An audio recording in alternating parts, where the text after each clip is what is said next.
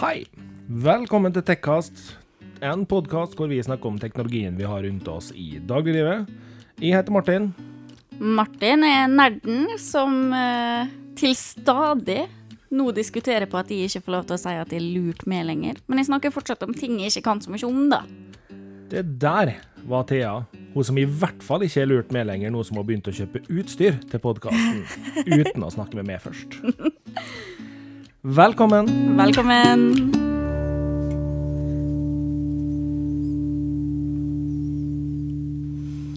Hei, Martin. Hei, Thea. Hvorfor bare visste jeg at du kom til å stå på og nekte på det at du er Du, du står fortsatt på at det er lurt med, du? Ja. Ja. ja, jeg må jo nesten det, da. Ja. Det var, det, Nei, forresten, det må du ikke lenger, for Thea. vi kan ikke ha ny intro før til sesong to. Jo, akkurat her kan vi det. For Thea, kjære Thea, Ja, Martin. i, eh, Som du veit, så er jeg veldig glad i deg. Ja, jeg håper han har det. Men jeg er nødt til å ta en liten ting med deg. Du er ikke lurt med i en podkast lenger. Når du på egen hånd kjøper den tredje mikrofonen til podden, og så informerer du med litt sånn herre Du, forresten, jeg holder på å kjøpe den her i nå. Går det bra, eller? Ja, men altså Jo, ja, altså, jeg er kjempeglad for at du tok initiativet og gjorde det når vi fikk inn til den prisen vi gjorde. Men for all del, kjære, du er ikke lurt med lenger da. Jeg var vel kanskje aldri lurt. Jeg var vel bare Du var ikke helt eh, gira på å kalle deg en nerd fra starten av. Nei. Nei. Men uh, Jeg er glad i deg lell, da. takk, takk. Ja. Jeg håper dem som hører på, også liker meg lell. Ja, jeg får absolutt håpe det. De som hører på, som er litt usikre på om de liker Thea, de eh, har en jobb å gjøre. Det er bare å begynne å like henne med en gang. For Thea hun er mye av grunnen til at den podkasten her er kommet. Jeg nikker stille ut i rommet. da det ser Thea, ikke dere. Thea liker ikke å få skryt. Nei. Nei. Nei. Skal vi hoppe inn i dagens tema isteden, da, eller? Ja, det, det syns jeg vi kan gjøre. Det er jo begynt å bli seint på kveld, og vi har uh, hevet oss rundt for å få den episoden her sammen, for livet tok litt overhånd uh, en liten stund. Livet møter oss litt i døra. Av og til så gjør det det, så Ja. da blir det litt sånn hu og hast og tjo og hei, men vi har noen episoder likevel. Har det? Med litt eh, ekstra Red Bull og et par eh, Paracet innabords, så klarer vi dette her. Skal alltids gå bra, det. Ja, ja, ja. Vi er klare. Eh, vi har jo, som alle som hører på oss, veit, så har vi én, i hvert fall, i det rommet her, som er relativt glad i Google. Ja, nei, altså det, Ja. Og da eh, må jo jeg ta opp det at eh, vi hadde ei lita lansering her i forrige uke. Og det var Google som slapp Google Assistant på norsk. ja. Og jeg kan jo bare nevne det at min kjære Martin var ganske gira. Ja. Det, Yes! det som var, da, det var jo det at uh, jeg må gi en liten shout-out til min kjære bror Andreas her. Uh, han var rimelig kjapp den morgenen her og sendte melding til meg. 'Har du sett det her, eller?'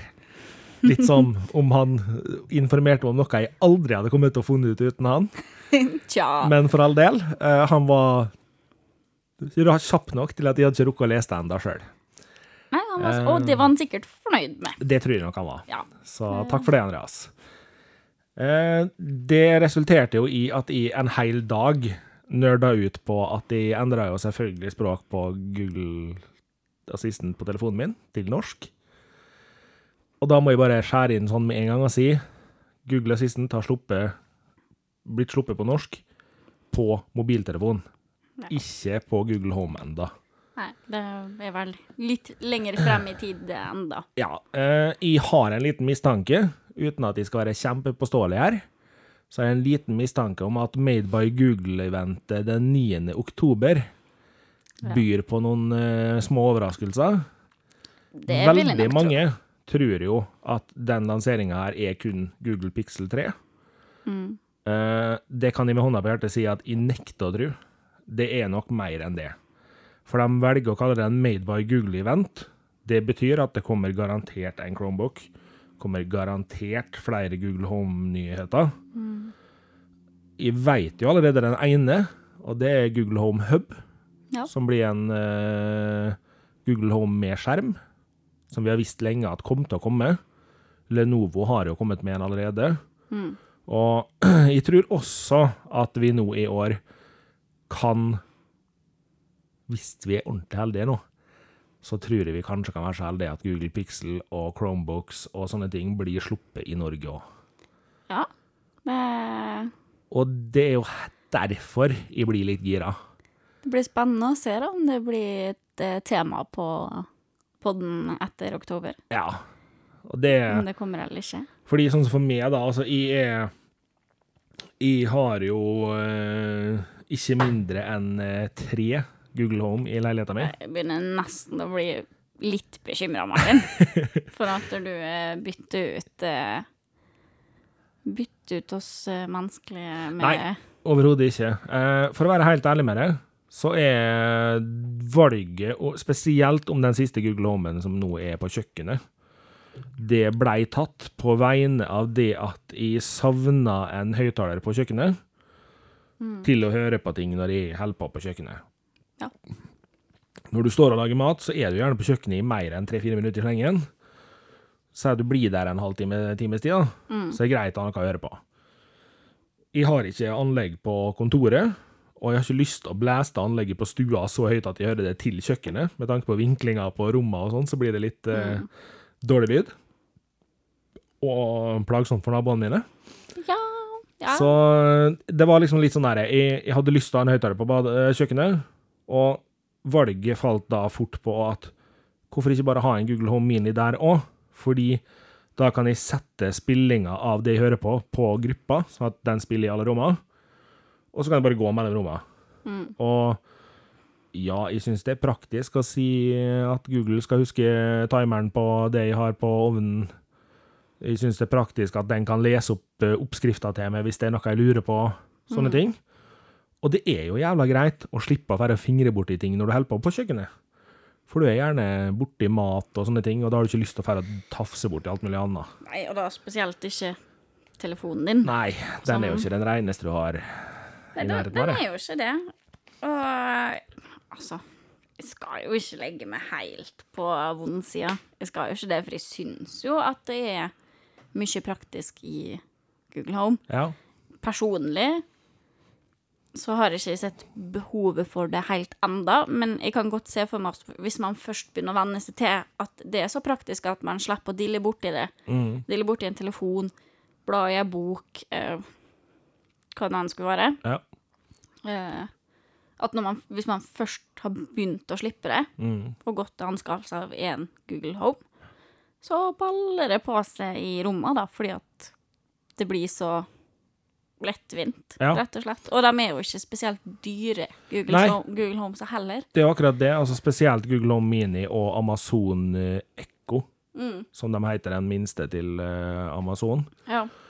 Det er jo Ja, Ekkoen er jo ikke spesielt dyr, den heller. Nei, det er 400-500-kronersklassen. Ja. Og har du en 500-kroners Bluetooth-høyttaler, Hmm. så spiller den omtrent like godt som en vanlig Google Home Mini eller en Dag jo. Alexa-saker. Min den spiller jo like fint, den som den lille Bluetooth-høyttaleren min fra hva?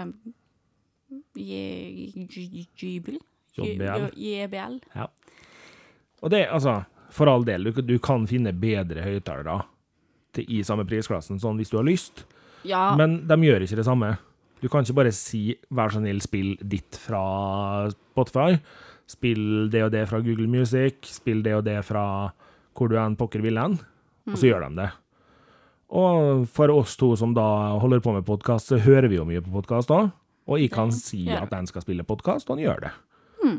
Og jeg har stått mange timer og hørt på True Crime Garage og laga mat. ja, ikke sant? Det er kjempegreier. Ja, men altså, det er jo en sånn tilvenningsgreie at hvis du først skal Og det mener jeg, da. Hvis man først er på utkikk etter en ny liten høyttaler til eksempel Jeg syns jo det er helt Jeg lager jo også mye mat, så jeg syns jo det er veldig fint å ha høyttaler mens jeg lager mat. Men jeg er jo også jente, så jeg bruker jo også uhorvelig lang tid på badet, eksempel. Ja. Og da står jeg gjerne med sminke på hendene, og hårprodukt og olje og alt som er, og liksom Gjerne skal prøve å holde opp den dumme håndduken som aldri vil bli knytt sånn som på film, som henger fint over brysta og sitter fast der til, en, til all tid. Ja. Uh, og da Altså, jeg har jo en høyttaler på badet nå, så jeg har ikke behov for å bytte den ut akkurat nå, men hadde jeg bytta den ut, så er det ganske mulig at det hadde blitt en Google Home som jeg da fortsatt kan holde på håndduken og sminke med og ordne håret samtidig. Ja. Det Som vi faktisk bruker og eventuelt spole tilbake episoder, eller bytte episoder, eller Ja. sette på pause hvis jeg plutselig skal rope ute i stua til Niklas at han må komme og sjekke om eyelineren min er bein eller ikke. Riktig. Nå må jeg jo nevne da, at eh, det at Google Home Nei, Google Home sier Google Assistant er blitt eh, norsk, det er jo mange som kanskje tenker å wow, det var jo på tide. For eh, Siri på iPhone, hun har kunnet norsk siden 2015. Ja, ja hun har jo kunnet norsk en stund. Men så må det også sies at uh, Siri har jo hatt en begrensa funksjonalitet på norsk. Ja, ja, altså Norsken hennes har jo ikke vært kjempeprioritert, da. Nei. Og likedan så har det eksistert på enkelte mobiler, enkelte PC-assistenter før. Så det at det er kommet en norsk assistent, er på ingen måte en nyhet i den forstand. Men vi må vel bare innse at Google har en enorm brukermasse. Det har de. Absolutt alle Android-telefoner er Google. Det vil si HTC, Samsung, Huawei, Sony, LG osv., osv. Alle de her kjører Android og har muligheten til å bruke Google Assistant. Til og med Samsung, som pusher Bixby fram og dytter den omtrent ned i harsen på det. Han prater til meg når jeg står opp, Ja, uten at jeg vil det. Jeg har prøvd å skru den av. Og til og med der er Google Assistant allerede på telefonen. Ja. For holder du inne i hjem-knappen, så kommer du inn i Google Assistant, ikke Bixby. Yes. For Bixby har fått egen knapp. Ja, som alle hater. Ja. Det, det sa jeg ikke høyt. ja, men jeg er glad i Samsungen min. Jo, for all del. Men den knappen kunne jeg vært foruten. Ja. Og jeg Og- kunne for så vidt egentlig vært foruten Bixby også. Ja, for han er skjønner ingenting. Det er rart at veldig mange mener det, gitt. og det som da er, er jo det at når nå Google, som har en så stor masse av brukere, har lansert en norsk assistent, så vil det si at enormt mange nordmenn har muligheten til å begynne å teste assistent på norsk. Og ikke minst et veldig mye bredere spekter av alder Ja, har mulighet til å dra full nytte av en assistent som er meint for å gjøre ting enklere. Ja. Og nå er det en litt sånn merkelig ting som kommer inn. Eh, De aller fleste kjenner vel til at når du eksempel får opp forslag i, fra Google om at skal vi arkivere de her bildene her nå, så har han tatt en hel bråte med bilder som du egentlig bare har knipsa for å huske det der og da, og samler dem i ei gruppe, og så spør han skal vi arkivere dem her. Og så tenker du kanskje, hvorfor i all verden foreslår han det? Alle motorene Google kjører, jobber jo med at de blir lært opp av folk. Av brukerne. Så når du har sletta bildet av handlelista di, eller bilde av et sminkeprodukt, eller bilde av en uh, dingseboms nok ganger, så begynner Google å skjønne at de bildene her er bare for å huske dem. Når du er ferdig med dem, så hiver du dem. Og så spør han det. Arkiverer vi dem nå, eller? Og sånn gjør de det også hvis du har store bibliotek med bilder fra ferie, der du har liksom album med bildene dine fra ferien. Så kan du plutselig begynne å merke det at Google samler albumene for deg plutselig. Gjennom Google Foto, for eksempel. Og de blir ekstremt flink på det. Fordi den blir brukt til bilder. Ja. Og her er det også nå da at Google Assistant har en større sjanse til å bli god på norsk enn de andre assistentene.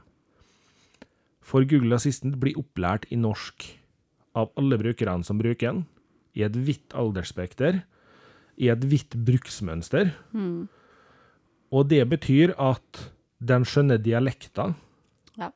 Den skjønner når jeg sier på Molde-dialekt 'send melding til Thea', skal vi spille inn episode i dag? Da får du meldinga på bokmål, men han forstår hva jeg har sagt til den. Og det er også veldig flott i, i et land hvor vi har så hinsides til varierte dialekter. Ja. På uh, i og æ og je og altså alt man sier for seg sjøl, og ord og uttrykk, da, som etter hvert assistent vil lære ja. og forstå.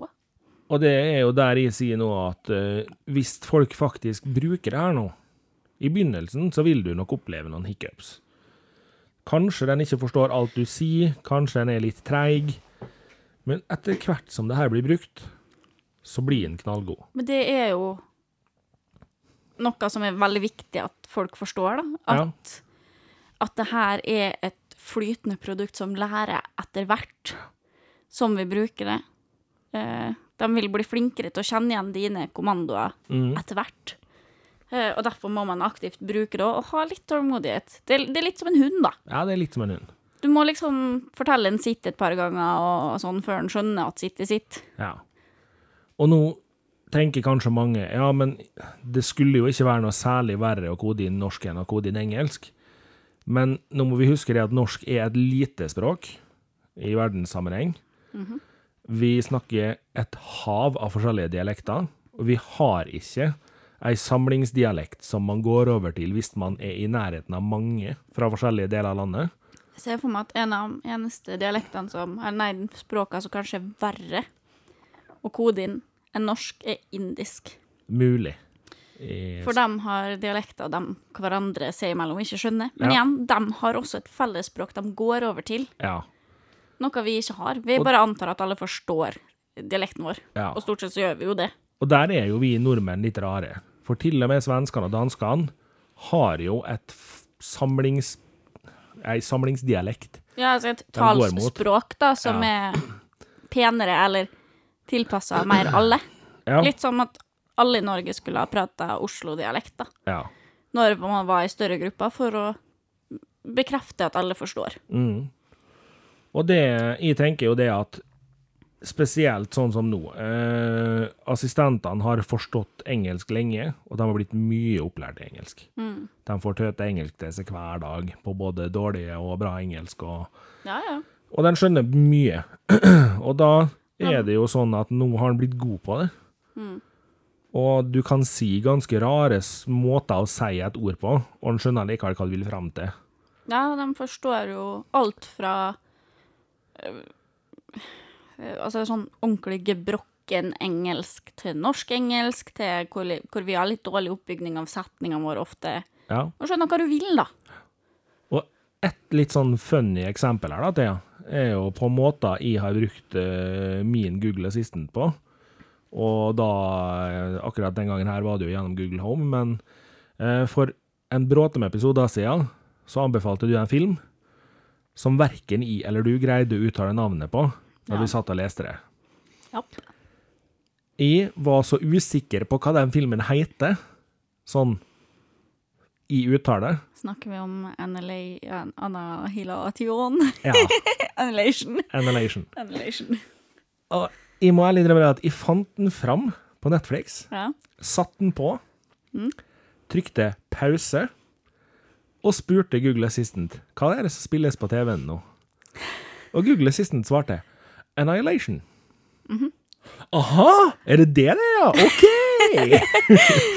Mens du har en Google Assistant, så har jeg da en samboer som hørte episoden og bare Seriøst?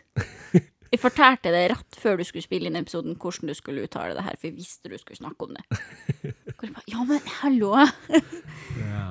Og det, det er jo sånn, altså ja, eh, vi, både jeg og du burde sikkert ha tatt det her ut fra ordet, men eh, der og da var det ingen av oss som tok det, og ferdig med det. Av og til så For å bare bli mobba for det, det skal vi tåle. Ja, det, det må vi tåle.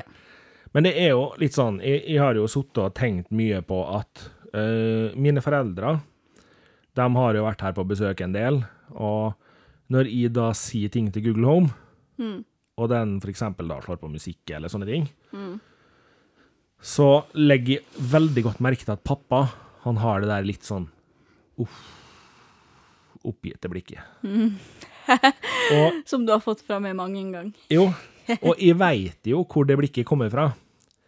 Det er jo ikke fordi at dere ikke forstår teknologien, men sånn som du, du blir litt oppgitt fordi du veit, eller du syns jeg bruker veldig mye av det her, Ja. og du syns jeg har dratt eh, veldig langt med å styre lysene mine sånn og litt sånn. Så syns jeg det er mest gøy å mobbe det for det, egentlig. Jo, da. Det er kjærlig mens- mobbing. sånn som pappa og mormor, og til dels mamma. Mamma er litt mer åpen for det enn pappa. Eh, de tenker 'hvorfor i all verden prate engelsk'? Vi er Ja. hjemme med oss sjøl, vi er i Norge. Ja. Og jeg tror nok at sånn som nå, så vil pappa og mormor òg tørre å kunne prøve det her. Jeg ser ikke for meg at verken pappa eller mormor kjøper seg en Google Home med det første, når de begynner å prate norsk. Men fattern kommer nok sikkert til å bli påtvingt en på et eller annet tidspunkt. Ja, så det er jo mulig det dukker opp en gave. Ja. Og jeg ser for meg det at hvis den her begynner å funke godt nok til at pappa kan prate til den, og den forstår hva han sier, da blir den brukt også. Fordi pappa han er sånn laga at når han syns noe er morsomt, da, da bruker han det. Ja, ikke sant? Men, det, men det, sånn er vi jo stort sett alle sammen. Ja. Og det er klart, altså mamma hun er jo allerede litt på den at hun synes jo ting er litt artig, og synes det er litt spennende og sånn. Og hun har jo brukt Chromebook ei god stund. Hun er fornøyd med måten ting funker på. Og, og det er klart at sånn som mamma, hun er mer vant til å prate engelsk enn hva pappa er. Pappa Ja. prater engelsk eh, en gang i jubelåret når han er nødt. Når han er i Syden og mor di akkurat gikk på do og han Ja. skulle bestille en øl eller noe. Så, og da er det liksom sånn derre Jeg skjønner jo at man, når man ikke snakker mye engelsk, synes det er vanskelig å gå til punktet at man spør en høyttaler om noe på engelsk. Helt klart. Og det er jo Det er jo litt pussig, men så er det jo jævla praktisk òg. Nå sa jeg faktisk jævla unnskyld. Men det har Eh, du sagt et par ganger i denne episoden, faktisk. faktisk. Det får bare beklage. så, men jeg må jo ærlig innrømme det at når jeg nå sitter og ser utviklinga som er skjedd her. uh, vi har eh, flere og flere helt trådløse headset som havner på markedet. Vi har flere og flere små, kompakte headset med lita ledning mellom. Og folk går mye med headset. Ja. De også får jo sakte, men sikkert støtte for Google Assistant, Amazon Alexa, Siri på norsk. Ja. Det kommer jo til å bli sånn at når du har på headset, så er det kjappere å bare teppe på headsetet, be headsetet om å gjøre, eller si det du vil at den skal gjøre, og så skjer det, enn å ta opp telefonen og gå og trykke på den. Helt klart. Og det er ett punkt hvor det her er veldig positivt i mine øyne. Sitter du og kjører bil, så har mobilen din ingenting å gjøre i hendene dine. Det er helt sant.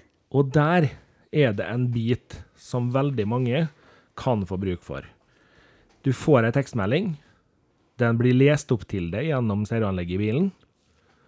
Du kan trykke på én knapp på anlegget, lese svaret ditt på meldinga rett ut i lufta, og telefonen din sender meldinga til mottakeren, ferdig skrevet for deg. Oh, det er mange som kommer til å kjøre tryggere når det kommer. Og yeah. Og det er mange, unnskyld for eh, den lille generaliseringa jeg gjør nå, men det er mange fjortisjenter som kommer til å ferdes mye tryggere i trafikken hvis de snakker til telefonen sin istedenfor å gå og trykke på når de går over veien. Helt, helt klart. Holy lord, hvor mange av dem som bare går rett ut i veien uten å se seg for. Altså, vi, vi er vel Jeg føler at med um, Nå når assisten Det har jo kommet veldig mye mer av det nå, med det med taleassistenter. Og jeg føler at vi liksom vi gikk fra å være helt fri fra mobiltelefoner og smarttelefoner til å låse oss i skjermen. Til å alltid ha telefonen i hånda. Mm. Til å scrolle Facebook uten å egentlig lese, men det tar fokuset vekk fra f.eks. vei, eller å gå over veien, kjøre bil. Og nå er vi på vei tilbake igjen for å frigjøre oss fra telefonen, men Ja. ikke miste det vi liker med det. Ja, for jeg tror jo det at nå er jo greit nok. Eh, mange av dere tenker er det her bare en nerdete greie, eller er det her noe som har en realistisk funksjon for folk flest? Og jeg er ganske sikker på at det her får en realistisk funksjon for folk flest. Jeg syns de er så fine, Martin. Så er det, jeg tror det er Telenor Nett som har noen reklamer som lyser fram med taleassistenter. Dem og gamle damer. Ja. Ja. Hvor hun skal skru av eh, vannkokeren sin Yes. og sånne type ting. Og det, da tenker jeg takk for at dere setter det riktige fokuset på det, for å Ja. vise at det her er faktisk ikke bare en nerdete greie som vi syns er kult, Nei, men det her kan faktisk være alfa og omega for noen. det kan det. Og her kommer det jo inn et litt sånn her eh, halvfancy greie. da. Det er noe som heter for Internet of Things. Som nå i neste generasjons mobilnett kommer til å være langt mer utnyttbart. Det vil si at kaffetrakteren din, vannkokeren din, steikeovnen din og sånne ting som det her kan få internett. Ja. Og nå tenker veldig mange åh, enda mer internetting her. Stopp. Tenk på nytt. Ei dame på 85, 88, 90 år som bor alene, en mann på samme alder som bor alene, da er du blitt gammel. Det er det lov å si. Når du er blitt gammel, så er hodet en av de tingene som av og til begynner å tulle litt. Og så er spørsmålet, husker man da å slå av stekeovnen, Ja. plata, slår man av kaffetrakteren? De fleste kaffetraktere slår seg automatisk av. Men jeg tenker der, så drar inn et dramatisk eh, eksempel fra mitt eget liv. Ja. Eh, min kjære bestefar, som nå dessverre ikke er med oss lenger, da, Mm. hadde i sine siste dager eh, hjemme, eh, var veldig prega av Alzheimers. Kjøkkenet deres tok fyr Ja. fordi at den pipinga som skal komme, svikta. Og de er såpass gamle at det ble litt vanskelig Ja. å komme seg på kjøkkenet fort nok til å få gjort noe med det sjøl. Mm. Uh, sånn at der, hadde de da kunnet ha prata til et eller annet høyt, så hadde de fått løst ting litt raskere. De Ja. hadde fått ringt raskere, kontra å skulle begynne i panikken å finne fram telefonen ja. Og tilkalle nødsentral. Eh, sånne type ting, da. Og jeg tenker jo også sånn, si det at du da har stekeovnen din er tilkobla internett via Internet of Things. Det den da kontinuerlig gjør, er at den f.eks. snakker med en hjemmesentral som du har i huset ditt. Og der har du på forhånd da sagt at eh, hvis den her står på i mer enn så og så lang tid, så spør. Hvorfor står stekeovnen på? Ja. Har du glemt å skru av Ja. stekeovnen? Og så er det da at en høyttaler, typ, altså La oss bare bruke Google Home som eksempel nå. Så spør den Mener du at stekeovnen skal stå på nå? Så kan du reise deg opp, gå ut, sjekke. Ja, der sto det mat i. Ja, stekeovnen skal stå på nå. OK. Så spør han igjen om to timer til, eller en time til. Ja, alt ettersom. Og likedan, hvis du da glemmer å slå av eksempel vannet i springen, vannet står og renner på potetene eller på egga eller et eller annet, så spør han, du, skal vannet stå og renne lenge, eller? Der den da har mulighet til at hvis du nå får panikk, eller ikke svarer, så kan han stenge av vannet. Og da er du kommet inn i et punkt hvor jeg mener det at da er det en fornuftig bit, fordi da kan du ha en sikkerhetsfunksjon i det her òg. Helt klart. Og for ikke å snakke om hvor mange gamle som ikke er gamle nok i sine egne øyne til å be om å få type hjemmesentral fra brannvesen, sånn sikkerhetsalarm, da. Ja. og som nekter. De bare Nei, så gamle er vi ikke. Og Ja. Det er en helt naturlig greie, fordi du har ikke lyst til å innrømme at du er gammel. Nei, så klart vil du ikke det. Du vil ikke Altså, du har vært voksen i så mange år, da, skal Ja. jeg si, og selvstendig i så mange år, at så klart vil du være det videre. Og det her tror jeg nok også at kan være med å gi en følelse av For veldig mange eldre føler veldig på at uh, At de krever nok At de er krevende, da. At, de, at de er til bry. Og det er jo noe de er veldig redd for å være. Ja. Uh, og med en sånn type assistent, så kan de fungere mye lenger Ja. og mye tryggere i egne hjem, uten at det går utover uh, så veldig mye. Mm. Og det, det, altså det å ha da en mulighet, sånn som nå borte i USA, så er det her normalt. Uh, Du kan si til Google Assistant da, at den skal ringe etter noen. Her i Norge så er du nødt til å holde inne en knapp først, og så si 'ring til', som og sånn. Ja. Men i USA så kan du bare starte eh, samtalen med OK Google eller Hei Google-kommandoen. Og så kan du si 'ring mamma', 'ring pappa', 'ring Ja. min'. Og så gjør den det. Og det er mange eksempel på at voksne som ikke er gamle, bare vanlige voksne folk, har falt og slått seg så galt at de kommer seg ikke opp igjen. Ja. Mobiltelefonen ligger på stuebordet. Og så ligger de der og tenker 'hva i all verden gjør vi nå?' Og så får de til å rope 'hei, Google', ring, og får tak i hjelp. Og da tenker jeg, når voksne får det til, og jeg blir vant til å gjøre det, så blir ungene også opplært til at detter du og slår det, og du ikke greier å gjøre noe, så kan du gjøre sånn. Ja. For ungene våre, ikke at jeg er unger, og ikke du er unger, men ungene til folk er det viktigste i livet deres. Yes. Det er helt sant. Og det er jo ingen som vil at ungen sin skal dette ned trappa og rigge der med knekt fot og ikke komme seg noen plass, og ikke få hjelp. Mm, helt klart. Og altså, for all del, unger har aldri sånn sikkerhetsalarm rundt halsen. De eh, har i hvert fall ikke det, for det, noen gamle har det jo, noen har det jo ikke. Og unger har det i hvert fall ikke. Så jeg tenker jo, her er det jo også noen sikkerhetsbit inne i bildet. Det er jo, når jeg snakker om det nå, så kan hende mange tenke, nei, det blir ikke sånn. Men jeg tror det, at det her kan være en veldig lur greie. Det kan bli sånn Ja. hvis vi er åpne for å få det sånn. Ja, For teknologien er der. det er den. Vi må bare være villige til å ta den i bruk og akseptere at vi er nå inni en så eh, teknologitung æra Ja, at la oss nå bruke den for det den er godt for. Ja. Og det med Altså, man kan kanskje si det at Jeg tror nok ikke det at de aller fleste kommer til å bruke stemmeassistent som en helt faste rutiner hver eneste dag på alt de gjør. Men at du de små ekstratingene kan gjøres via stemmeassistent, tror jeg nok kan være kjempelurt. Stemmeassistent for eh, svaksynte Ja. som bor hjemme.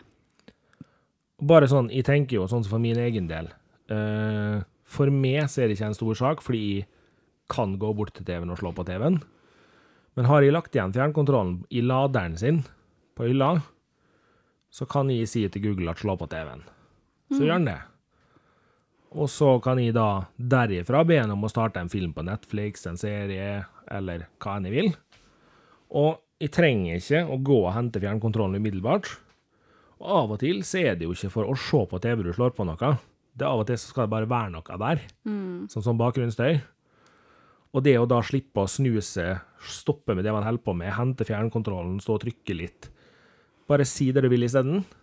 Ting starter, så kan du bare fortsette med det du holder på med. Jeg tar meg sjøl i at jeg sitter og jobber med podkastmanuset vårt, og jeg ber Google Home om å starte ting for meg, istedenfor at jeg skal reise meg opp og gjøre det. For jeg er så sabla inne i skrivemodus at hvis jeg reiser meg opp og begynner med noe annet, så detter jeg ut av skrivemodus. Ja. Og det, det er nok eh, også litt eh, og dere som hører på, så tenker jeg «Å, herregud, det her er latskap. Eh, men altså, for oss som er i fullt fysisk stand til å gå og slå på den TV-en sjøl, så er det mest gøy. Ja, og Det- litt praktisk Litt, når man litt praktisk, så klart, når man er i sånne stadier som du Ja. eh, snakker om, for eksempel. Men det er mest en sånn fin greie, for eksempel, hvis de har lyst til å Vet ikke. Så det er sånn vi snakka om i stad, skru på musikk, da, når Ja. man står med hendene nede i brødbollen. Yep. Eller svarer på den telefonen Mm. med hendene nede i brødbollen. Altså, det, det, det er sånne små praktiske greier eh, som ikke trenger å gå så langt til at det blir latskap. Nei. Hvis man ikke lar det. Man må jo egentlig bare ta litt tak i seg sjøl, på en måte. Jo, jo, for all del. Altså, man kan ikke hver gang man glemmer fjernkontrollen, så kan man ikke bare løse det med å bruke Google Home til å gjøre det. Da må man gidde å reise opp og hente fjernkontrollen på et tidspunkt. Men Og selvfølgelig, det er ikke bare positivt med det her. Nå kjenner jeg det så godt at jeg vet at hadde du på et eller annet tidspunkt når du sitter og studerer, skulle ha bedt Google om å slå på musikken til deg, så hadde du lett begynt å ramle borti og prate litt med Google om andre ting òg. For du blir litt distrahert. Yes. Og jeg er mer der at hvis jeg kan slå på stemningsmusikk eller slå lyset på en annen modus når jeg sitter og jobber, så gjør jeg det for at jeg skal fortsette å være i arbeidsmodus. Og jeg må ærlig innrømme at jeg er jo så uh, rar på det der med skrivemodus at hvis jeg er kommet i skrivemodus og sitter og skriver, og så kjenner jeg at å, nå må jeg egentlig ordentlig på do, så kan jeg bli ordentlig, ordentlig, ordentlig nødt på do før jeg reiser meg opp og går på do. Fordi er i skrivemodus, er i skrivemodus. Jo, jo, men det Altså, jeg som, altså, jeg jobber jo med mye skriving, så jeg kjenner meg godt igjen i den. Ja. Uh, og så kjenner jeg meg veldig godt igjen i den at jeg kan egentlig ikke ha, som du sier, jeg er kjempelett distrahert. Mm. Så jeg kan ikke ha telefonen attmed meg alltid. Nei. Fordi at da blir jeg til liksom Plinger inn en varsel, da. Så jeg vil heller legge den litt til sides, og så jobber jeg mye på penn og papir fordi jeg er så lett distrahert. Ja. Men å da kunne hatt satt på en timer, da. Fordi at da jobber jeg med til at jeg ser meg blind på det jeg jobber med. Mm. For at jeg begynner å bli sliten.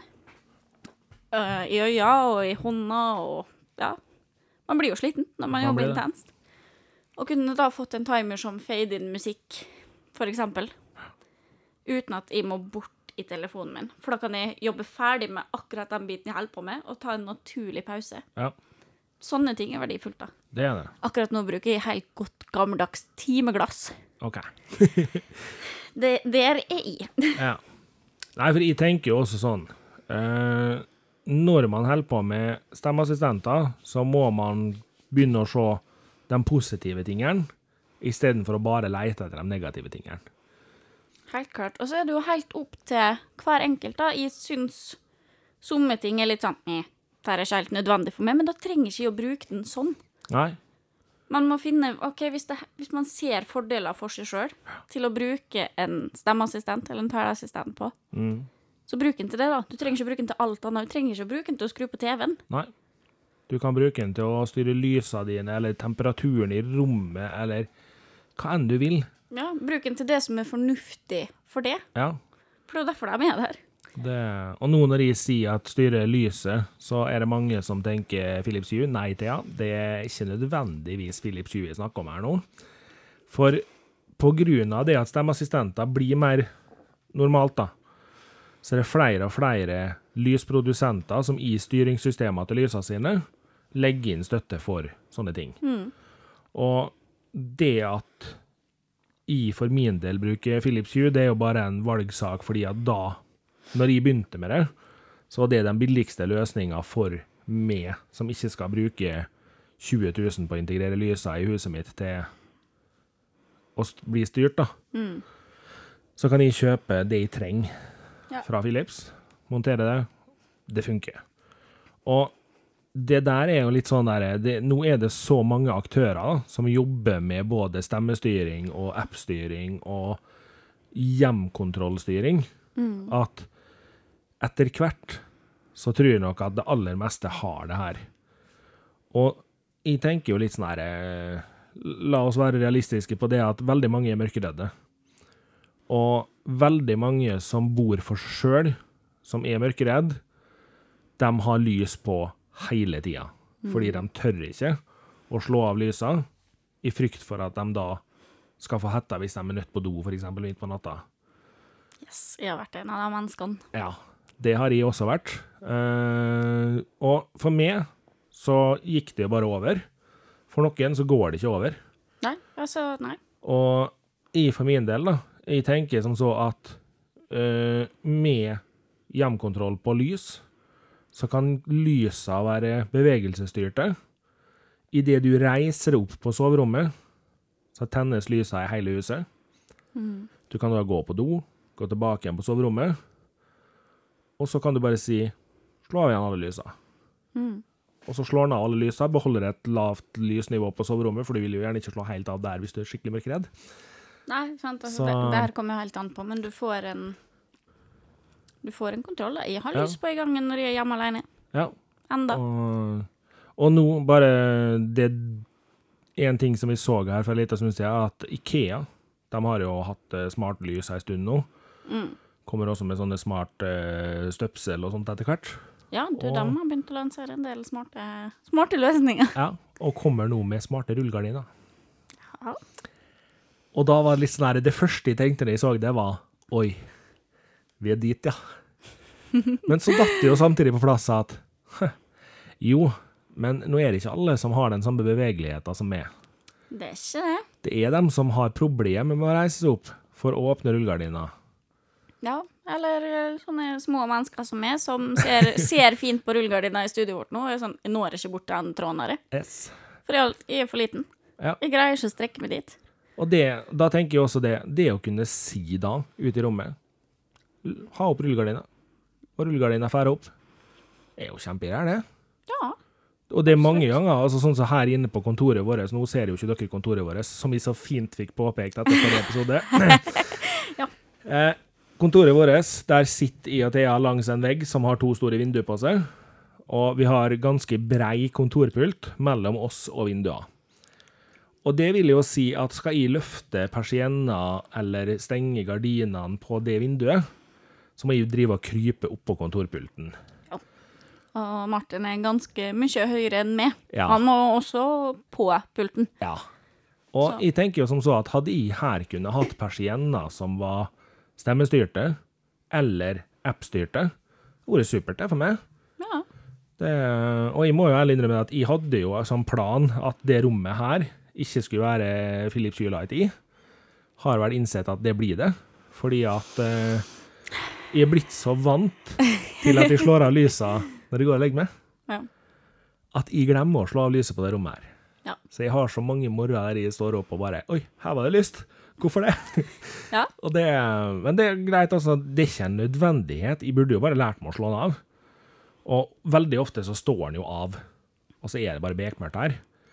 Men har jeg vært inne på rommet for noe, så er det forferdelig fort gjort at jeg eh, glemmer å slå av igjen. Men jeg gleder meg da, Martin, til du en dag blir sånn som han i den Rema 1000-reklama, da. Tenker ofte det beste. Ja, Som har vært hos tannlegen og har stemmestyring på alt, Ja. til og med døra si. men Og eh, kommer seg ikke inn igjen. jeg kommer aldri til å bare ha stemmestyring på ting. Nei. Det er noe med det òg, at stemmestyring er bra. Men ha alltid en backup-løsning. Ja. Og i hvert fall på viktige ting som Ja. døra di og Og det, men der er det jo litt sånn der, der har de jo det, fordi for at han skal ha stemmestyring på døra si, så har han en app som styrer der. Så klart. Det, Men jeg ledde godt allikevel. Bare En dag, Martin. En dag. det. Og så er det jo en ting som vi må si, da, at jeg tror nok det at veldig mange når de hører på nå, de tenker ja, med stemmeassistenter så blir det jo mindre og mindre skjermbruk. På et tidspunkt så tror jeg nok at de fleste hjem har ei, ei skjerm en plass i huset som du kan ta av og ta med deg bort i sofaen, der du styrer alt fra. Og jeg tror nok det at den skjermen, som da kan styre alt fra temperatur til eh, lysstyrke til lysfarge, den kan åpne døra, den kan se hvem som er på utsida av døra, sånne ting, det kommer nok til å bli en sak veldig mange tenker at dette blir for voldsomt. Samtidig så er det faktisk ganske lurt på mange måter å begynne å se på om det kan være smart å bruke det. Uh, Ring, som har uh, dørklokka borti USA, de har så vidt begynt å komme til Norge. Svindyrt, for å være helt ærlig. Eh, det, men de har altså sånn at hvis du ikke er hjemme engang, og så ringer det på døra di, så får du opp et varsel på telefonen. Ja. Det ringer på døra di. Så kan du svare. Du kan trykke 'svar'. Kan du snakke med personen som står på utsida, og si eksempel da at det her er mormor som kommer innom, for hun husker jo ikke at du er på jobb en time lenger. Så kommer hun innom, og så står hun der og er litt fortvila. Og så sier du 'Du, vet du, mormor er hjemme om 20 minutter'. Jeg låser opp døra til deg nå. Så kan du gå inn, sette deg ned, og jeg setter på kaffen i, i samme slengen. Og så setter du på kaffemaskinen, mormor går inn og setter seg ned. Pip det når kaffen er ferdig. Mormor har varm og god kaffe. Du kan bli ferdig, kommer hjem. Jeg sier ikke at det bare er positivt, men jeg tror nok også at vi må begynne å se det positive i sånne ting. Ikke leite etter de negative tingene. Nei, altså, jeg er jo kjempeflink til å le- leite etter negative ting Det vet jeg. i teknologien. Fordi at jeg syns teknologiens utvikling har vært veldig skummel, og fortsatt er veldig skummel. Fordi, men for min sin del så kommer den frykten mye av at det er så ukjent ennå. Ja. Uh, at, eller enda. Nå har jeg jo kommet litt langt inn i tekastverden, da, så jeg har jo lært mer. Blitt mer åpen for ting. Men det, det er det som er litt greia. Vi må tørre å prøve litt. Og til mer vi bruker det, uh, og til mer behov vi finner det At oi, du, det her var ikke helt uh, ideelt i en eller annen løsning. Så blir jo det fiksa. Det blir det. Stort sett, i hvert fall. Med mindre det er helt hinsides personlig eh, grunnlag. Ja. Men altså, er det en flåd, så blir det etter hvert retta opp i. Ja. Og når du sier det nå, da, så er jeg nødt til å ta med en liten ting. For nå har vi snakka veldig mye om eh, Alexa og Amazon sine høyttalere. Mm. Snakka enda mer om Google Home. Nei, jeg har ikke glemt at Apple har en smarthøyttaler. Jeg har valgt å snakke minimalt om Gu- Apple sin HomePod som er en direkte konkurrent til både Google og Amazon i det nisjeproduktet her. Grunnen til at jeg har nevnt lite om det her, er fordi at jeg veit jeg får pepper for meningene mine om det her. Men Apple har bomma skikkelig på HomePod. Det må jeg ærlig innrømme. Og jeg er ikke alene i teknologiverdenen om å synes det her. Nei, jeg kan ikke, jeg kan ikke uttale meg, for ikke Grunnen til at de har bomma, for å forklare det og dem som hører på, som ikke vet noe om det her, det, mm -hmm. kjapt, er at som nerd, som jeg så fint blir omtalt, Yes. så ser jeg det positive i veldig mange produkt, men jeg greier ikke å skjønne hva Apple tenker på når de lanserer en smarthøyttaler, som for det første er relativt kostbar. For det andre er låst til Apple sitt økosystem.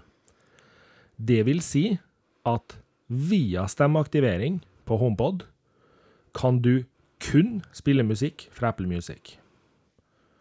Du kan kun starte podkaster som er tilgjengelig på Apple Music slash iTunes. Du kan ikke si 'Kan du være så snill å spille musikk fra Spotify?' Da svarer han at det har jeg ikke støtte for. Ja. Og da blir jeg litt fordvila. Men nå vet jo ikke jeg så mye om eh, HomePodsa deres, men det høres jo litt uh, Apple seg sjøl lik Jo, ut, da. De er liker det. å holde seg til familien. Det er akkurat det. De er for låst til sitt eget system.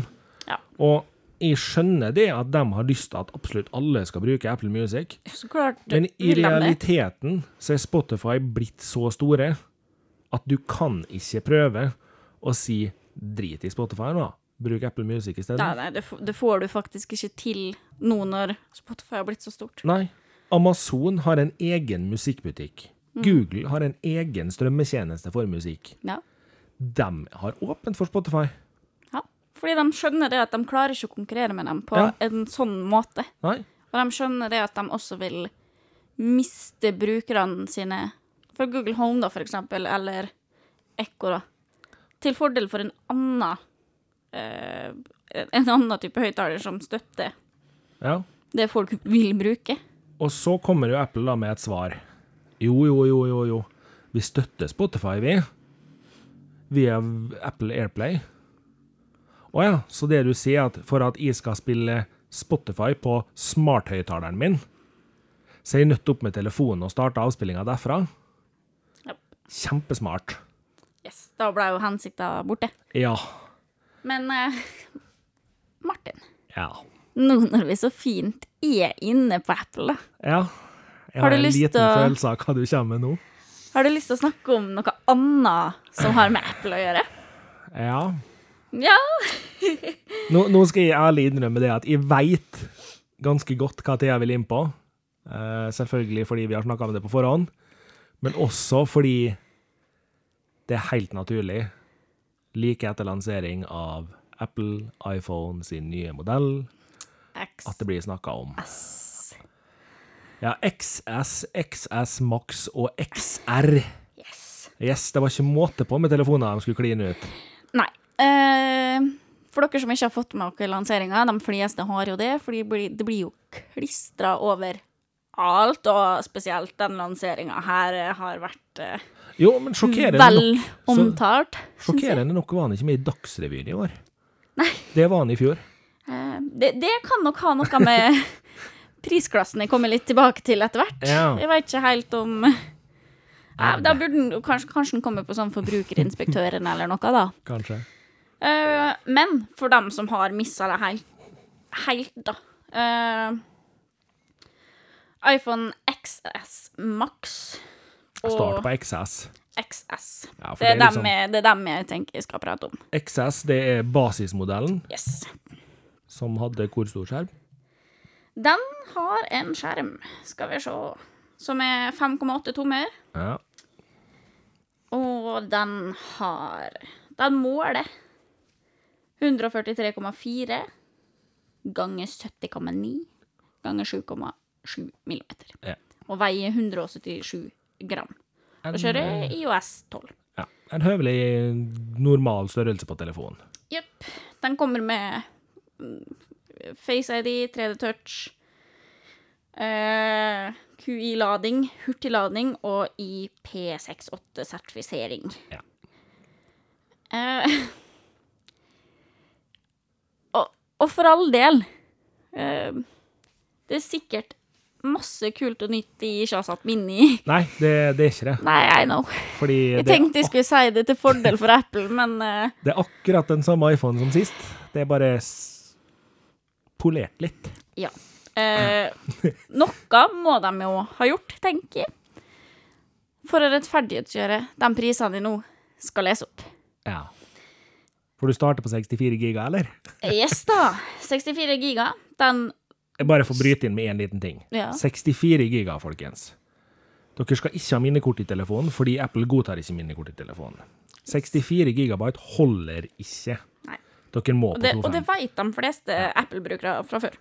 Dere må på 256 giga, som er neste. Men Yes. 64 gigaen Eh, som ikke holder, og som ikke støtter minnekort. Ja. Den koster da altså fra eh, Og nå snakker vi ikke om maksen, Nei. som da ville hadde vært en hva er det? En pluss før. Ja. Uh, Den uh, 64 gigabyte fra 11 490. Ja. Og ja, jeg sa 11 490. Vi tar et lite steg tilbake til en tidligere episode hvor jeg satt databudsjettet mitt, Mm. Til 10 000. laptopbudsjettet mitt, på 10 000. Ja. Men vi kan jo gå ned til den som de fleste kommer til å kjøpe, dem som vil ha XS-en, da. ja. For de havner jo på 256. Ja. Eh, den starter fra en pris på 13 290. Ja. Yes. Og så har du 512 gigabyte-versjon. Som dem som er virkelig brukere Ja. av iPhone, gjerne da vil ha. De som tar mye bilder, som har mye musikk liggende på telefonen. Yes. De som bruker masse apper, Ja. eh, de må ut med 15 590. ja. Eh, La meg da presisere én ting, folkens. Dette er en ny modell. Det er en ny, et nytt design i hermetegn, som gjør at deksla du har til din forrige iPhone, passer ikke. Dermed må du ha et deksel når du skal kjøpe telefon også. Yep. De fleste kjøper i hvert fall det. Og så er det kommet trådløs lading der, da, så da kjøper du også ei trådløs ladeplate. Dermed så har du brukt en liten tusenlapp ekstra med en gang. Det vil si at du bruker 12,5, 13,5 og 14,5. 15. 15,5, ja. Og det er for basismodellen. Yes. Så kommer maks, da. Ja. eh, en skjerm på 6,5 tommer. Ja. Den måler på 157,5 ganger 77,4 ganger 77 Nei, 7,7 millimeter. Ja. Den veier 208 gram. Fortsatt IOS 12. Og de Så- samme speksa resten òg. Speksene er de samme. Bortsett ifra at det er et ekstra kamera her. Var det ikke det? Vidvinkel. Ja. Ja. Ø, vent litt. Uh. Nei, forresten. Kanskje det var samme kamera på begge dem to? Du, det er samme kamera på begge dem to. Ja. Yes. Det var XR som kom med et kamera mindre. Uh, de, det er den samme egenskapene med Face ID i alt det her. Yes. 64 gigabyte fra 12 690. Det er 12 690 kroner som du bruker på en telefon som ikke har nok lagringsplass.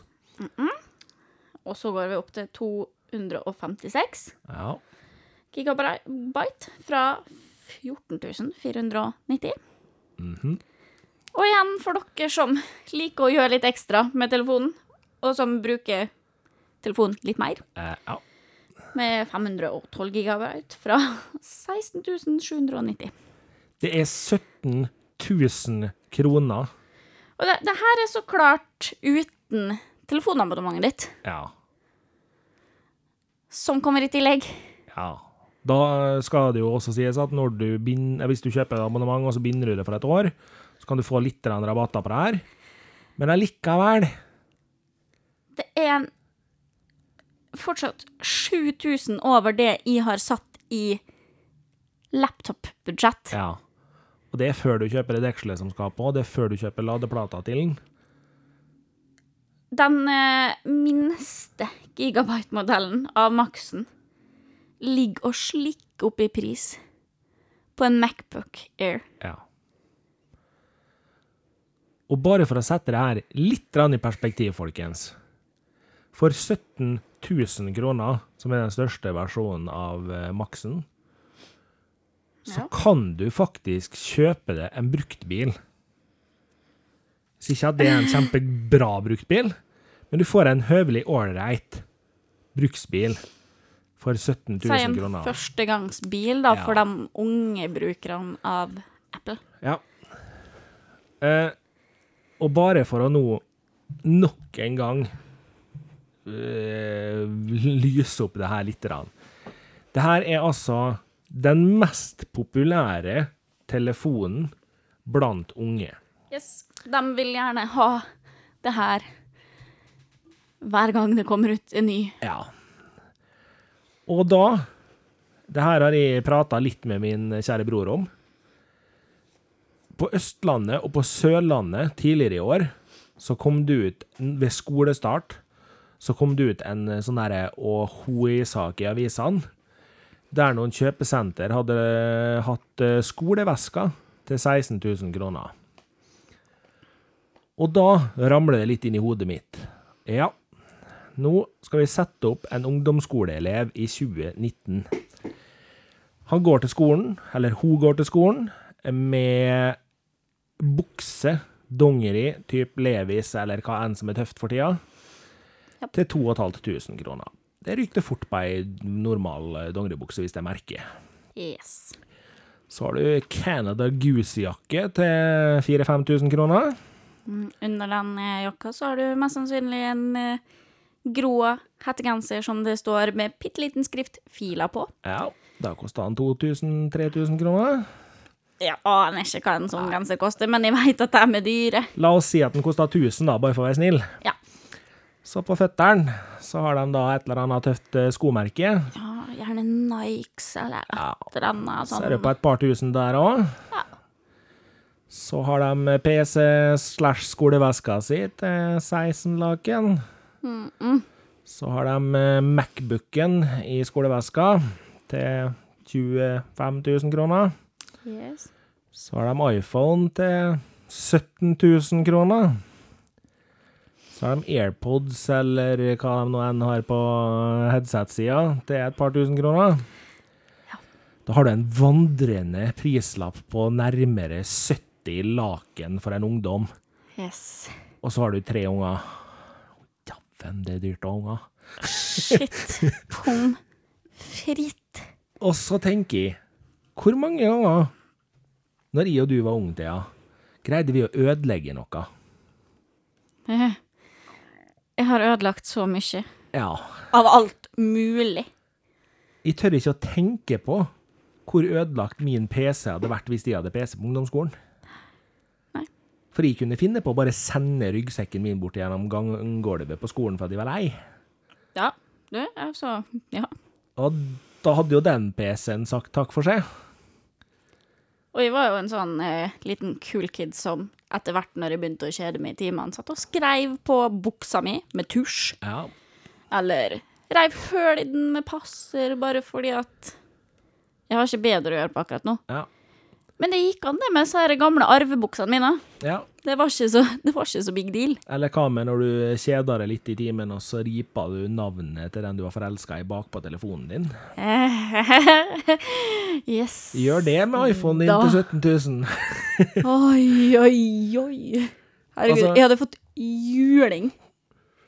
Nå høres sikkert både I og Thea litt gamle ut her, men Men vi begynner å bli litt gamle. Jo, men jeg mener det helt seriøst.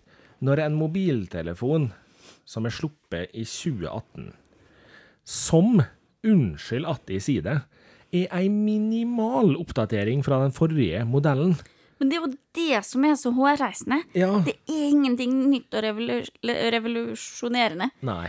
Og samtidig så er det en mobiltelefon. Ja. Jeg får, jeg får ikke stressa det nok. Jeg kan kjøpe meg for prisen 17 000. Så kan jeg kjøpe den eh, Xboxen jeg har tenkt å kjøpe. Ja. Splitter ny, Jepp. med spill, Jepp. ekstra utstyr hvis de vil. Og fortsatt kjøpe den PC-en jeg skal kjøpe med. Og jeg kan sikkert slenge på et par eh, artige små duppeditter til PlayStation som står hjemme, eller et nytt spill til Switchen, eller hva det nå enn skulle være. For den samme prisen som du betaler for telefonen din, Ja. og det er før du har begynt å betale for å bruke den. Ja. Det, altså, det er ikke det at eh, jeg skal være ekstremt negativ til produsenten Apple på telefonen her, men det kan, det kan være lurt å begynne å våkne og tenke litt på pris på det du lanserer. 64 gigabyte vet dem at får folk til å gå til neste størrelse. Yes. Og det, det irriterer meg litt. Jeg tenker det at som en av de mest populære mobiltelefonene på markedet i dag, eller en av de mest, de er den mest populære Ja. mobiltelefonen på markedet i dag, så skulle man jo kanskje tro at de fortsatt har lyst til å være det. Jo, problemet er jo at de fortsatt kommer til å være det. Ja. For folk skjønner jo ikke at det her er galskap. Men de kommer til å være det på bekostning av Apple-brukerne. Jo, det Og det syns jeg er trist, da. At vi skal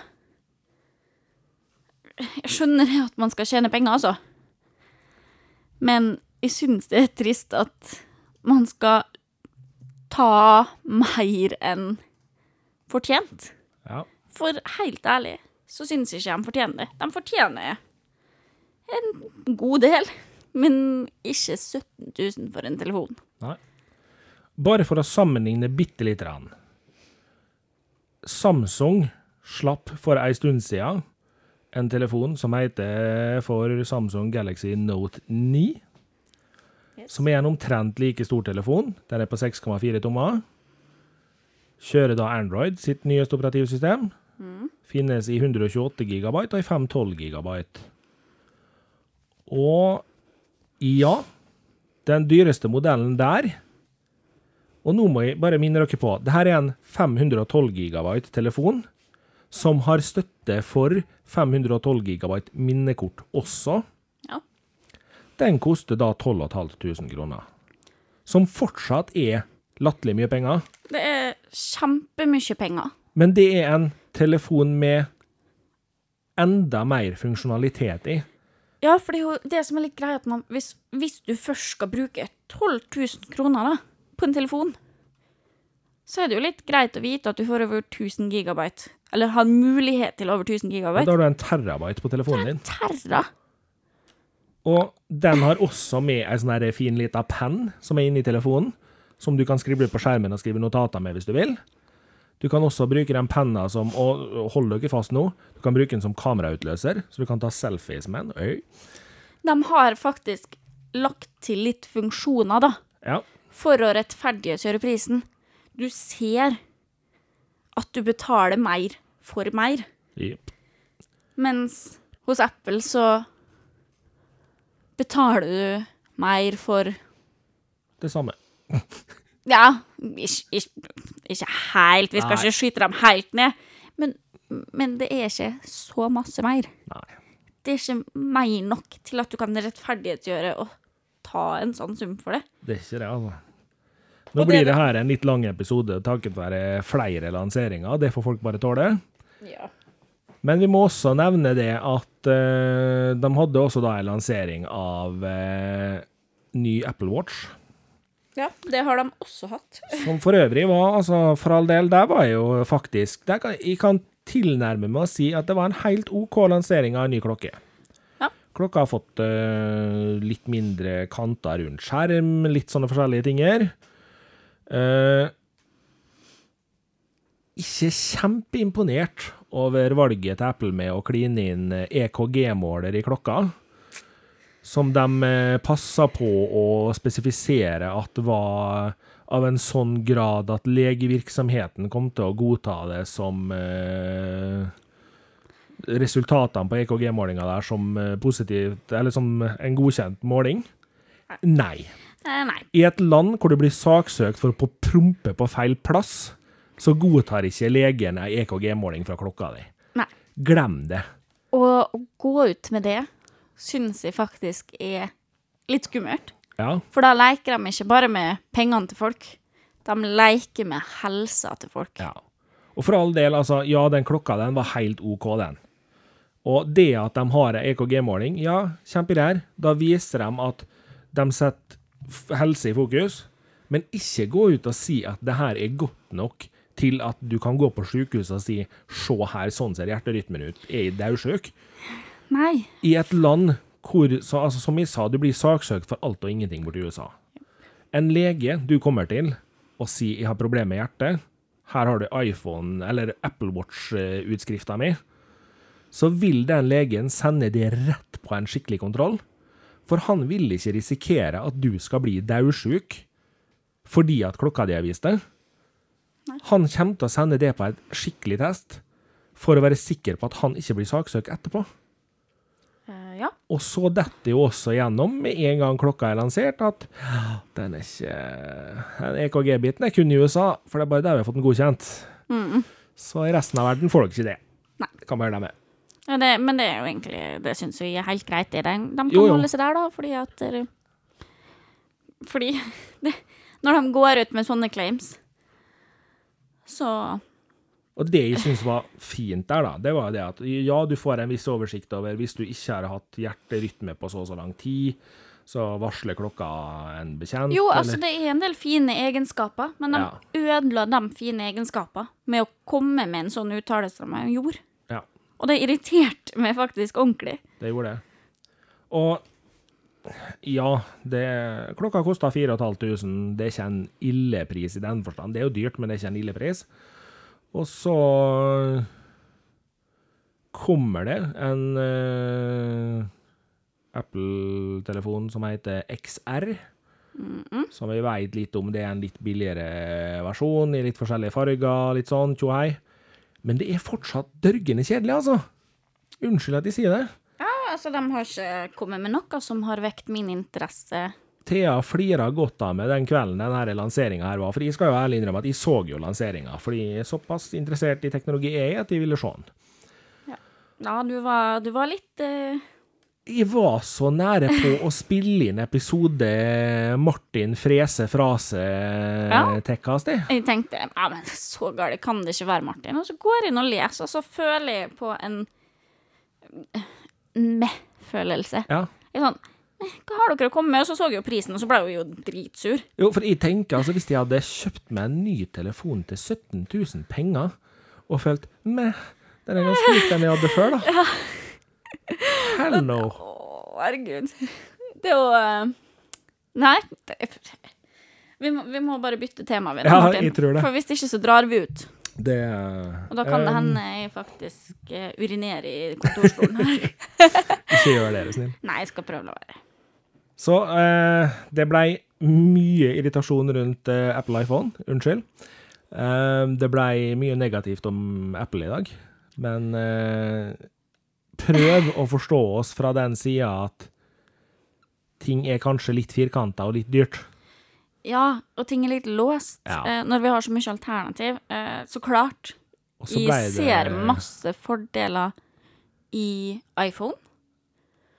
Faktisk. Ja, OK. Det er jo ikke I for, jo, men i forhold til at den er så populær, da. Jo. At de fleste kan å håndtere en iPhone. og sånn, at det, er er lett overgang for dem som Fordi at de ser barna og seg Jo, jo. Altså, sånne type ting. da. Mamma gikk fra Samsung til iPhone fordi at søstera mi har hatt det så lenge at hun har fått trykt litt på den og liksom sett det at OK, det her er greit. Mm. Den vises på TV hele tida, så mamma skjønner det, og Altså Det er noen fordeler. Ja. Men ikke nok. Ikke til å rettferdiggjøre en sånn pris. Nei. Da kjøper vi faktisk heller en PC. Ja. Og en Xbox. Ja. Og alt det der. Så ble det også mye snakk om eh, stemme- og taleassistenter, og som dere sikkert oppfatta, så er jeg veldig glad i den teknologien her. Thea er kanskje litt mindre glad i den, men eh, begynner å bli nysgjerrig hun òg, det kommer seg, det kommer Ja. seg. Nå når jeg har satt meg litt mer inn i det. Ja. Så med det så hopper vi rolig over til eh, ToppTech. Yeah. Og nå blir jeg litt sånn her det, var ikke, det her var ikke jeg klar over, men nå kjenner jeg at det, det, det her blir en litt negativ episode. uh, retrobølgen fortsetter, den. Og denne gangen her er det Sony som kaster seg inn i kampen. Ja, de, de hoppa ganske heftig, dem, på, Ja, på nå den bølgen. druste vi inn en PlayStation Classic, folkens. Yes. Det at navnet er PlayStation Classic, kan vi si mye om. Um, Noe jeg syns uh, Blei kanskje litt hverdag-kopi. Ja, og litt teit, men eh, Men det er også en uh, miniversjon av PlayStation 1, som skal komme med 20 spill. Ja. Jeg har banka jo litt inn her i stad, før vi begynte å spille inn, at jeg mener at den her ikke er retro nok, Martin. Nei, men den var produsert produsert samme året som du var født, da. Ja, Så da ble den kanskje retro likevel, da. Og Nintendo, eh, som har kommet med noen eh, maskiner, den var lansert når jeg var født. Ja, Men du er jo masse gamlere enn meg. Jo, så men du er fortsatt retro i den forstand, ja. Ja. ja. Men altså er det jo der at eh, nå kommer altså PlayStation 1 med Eller PlayStation Classic med 20 spill. Fem av dem er nevnt. Jeg husker ikke engang hvem det var. Det var Tekken, i hvert fall. Uh, for det, det var sånne no name-spill, bortsett fra Tekken. ja. ja, for jeg stussa litt på at det var litt sånn. Men uh, jeg liker retrospill, altså. Jeg syns det er artig med de her klassiske Ja, vi har jo konsolene. hatt mye entusiasme rundt det her på podden. Men spørsmålet nå er Begynner det å bli litt mange? Eh, Ja. Nå er vi altså Kanskje. Altså, det kommer helt an på nå, nå Kanskje vi er der hen at det er en for hver smak. Jo, men altså, jeg tenker dem som er glad i spill, og som er litt engasjerte, da. Da ser jeg litt med frykt for meg ei hylle med en Nintendo, en Super Nintendo, en Nintendo 64, en Sega, en Sega Mega, en PlayStation 1, PlayStation 2, Xbox, Xbox 360, Classic Hei, hei, velkommen hjem til Thea. Sant? Altså, du har hele linja med Classic-konsoller. Ja. Du snakker ni konsoller. Ni HDMI-porter, ni USB-porter og minimum 18 kontroller. Yes. Er vi ordentlig heldige, så kommer eh, Nintendo 64 med støtte for fire kontroller. Og da har du altså 20 kontroller. Her begynner det å bli heavy, altså. Ja, altså, vi har jo kanskje egentlig ikke helt tida til det heller. Nei. Det er jo akkurat det som er. Men, men igjen, Men som sagt- jeg syns det er kult at det er valg, fordi at hva som vekker nostalgi Ja. hos folk, er individuelt. Fordi det er jo ikke sånn at alle kommer til å kjøpe alle. Nei. Nei, nei, nei. Eller, altså, det er jo helt sikkert noen som gjør det, men da må om det. Da har de Da, ja. Da må om det. Ja. Jeg skal være ærlig med det at eh, Nintendo og Super Nintendo er i hus. Nintendo 64 blir kjøpt hvis den kommer. Yes. Det er mye rykter som tilsier at den gjør det. Skal vel ærlig innrømme det at PlayStation 1 er faktisk ikke sikkert at den kommer i hus hvis ikke det kommer noen spilltitler der som må med, i mine øyne. Nei. Og PlayStation 2 er for nært, altså. Det har jeg spilt så mye at det Og Xbox og Xbox 360 det blir ikke kjøpt for min del i miniutgave. Nei. Nå Nei. ser jeg ikke for meg at Microsoft gjør den her òg, men Og Sega Det som er ute av Sega i dag, er ikke godt nok til at jeg gidder å kjøpe det. Enkelt og greit. Jeg bare er innmari glad i Sega sitt utseende Jo, på maskinene, men igjen, de har ikke den nostalgifølelsen for meg, da. nei. Og de konsollene som er ute der, er ikke produsert av Sega og gjort riktig av Sega. Nei, sant. Så det er en satt bort til en annen part, og jeg syns ikke de er gjort godt nok. Nei. Det er min mening. Yes. Men med tanke på at vi nå har jobba i en time og 20 minutter snart, Ja, så heller jeg på tisse ut. ja, så tror jeg vi bare hopper rett på underholdningstips. Ja. Ble litt fort og For- gærent for her jeg på hadde nå. Ingen tips på noe i denne episoden her, faktisk. Nei. Uh, For at jeg ikke har gjort så mye. Jeg har hatt det litt travelt i for hverdagen. dere som hører på, da, så vet jo dere at vi bruker å ha manus på de episodene her. I dag er manuset kun blått, for det er den fargen jeg skriver med. Ja. Thea skriver normalt sett med lilla, men det er ikke noe lilla i hele manuset. Men jeg har nå greid å skravle uti med lell. Jo da. Jeg leste jo igjennom og så det etter. jeg har ikke tid til å skrive. Nei. Helt ærlig, jeg har ikke tid. Og jeg visste jo at alltid noe å si. hadde stoff om der, så det var ikke noe stress. Nei da. Vi snakker jo sammen, vi da, Martin. Ja, vi gjør jo det. Så det men på underholdningstips-sida, der har jeg oppdaga noe rart med meg sjøl. Ja. Noe mange og jeg sjøl til og med vil si at kanskje er litt teit. I Oi. Oi! Jeg lurer på om den ble med. Det tror jeg nok han blei. Eh, For dere, hvis den ikke blei med, så holdt de på eh, Eller så mista jeg litt luft. Det blei litt raping her.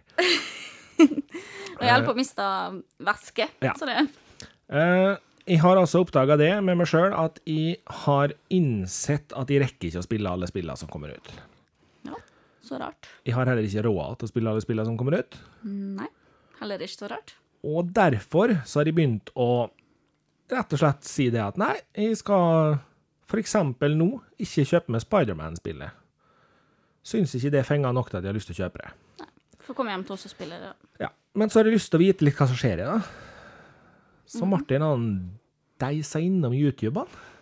Ja. Og jeg har nå altså sett de seks første playthrough-partene av Spiderman. Ja. Kan med hånda på hjertet si at jeg syns det er utrolig eh, underholdende å sitte og se på at andre spiller det. Men det er faktisk det. Ja. For jeg gidder ikke å spille det sjøl, men jeg ser på at Niklas spiller. ja.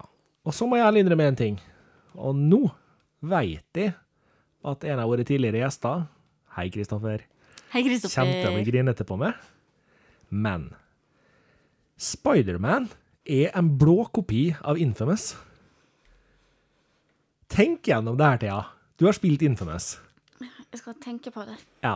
Infamous er altså om en kar som har superkrefter, I know, I know. som hopper rundt i byen og skrur på noen antenner, knuser noen eh, signalforstyrrelser, og utvider kartet mer og mer. Han eh, slutter, eller avslutter noen eh, krangler og noen innbrudd og tjoei. akkurat det samme skjer med Spiderman. Rett og slett. Eh, Kristoffer, du får bare bli irritert. Jeg veit det, men eh, sorry. Det er en blåkopi. Yes. That's it. Nå har eh, Thea bak mikrofonen bedt Martin om å forte seg. Ja, for Thea hun sitter og rister i stolen her og er ordentlig nødt på do.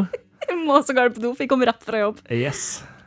Og da får du ta avslutninga, Thea. Du kan jo den her, du. Yes. For dem som hører lyden fade inn her, vet jeg at nå skal jeg snart få gå på do. Musikken er laga av Nick Incenter, Produsert av Underdog Production. Martin heter fortsatt Martin og står for alt av teknologi. Du heter fortsatt Thea. Står for jobbing. Ja. Og er nødt på do. Yes! Takk for i dag, folkens. Takk for i dag, folkens. Ha det bra.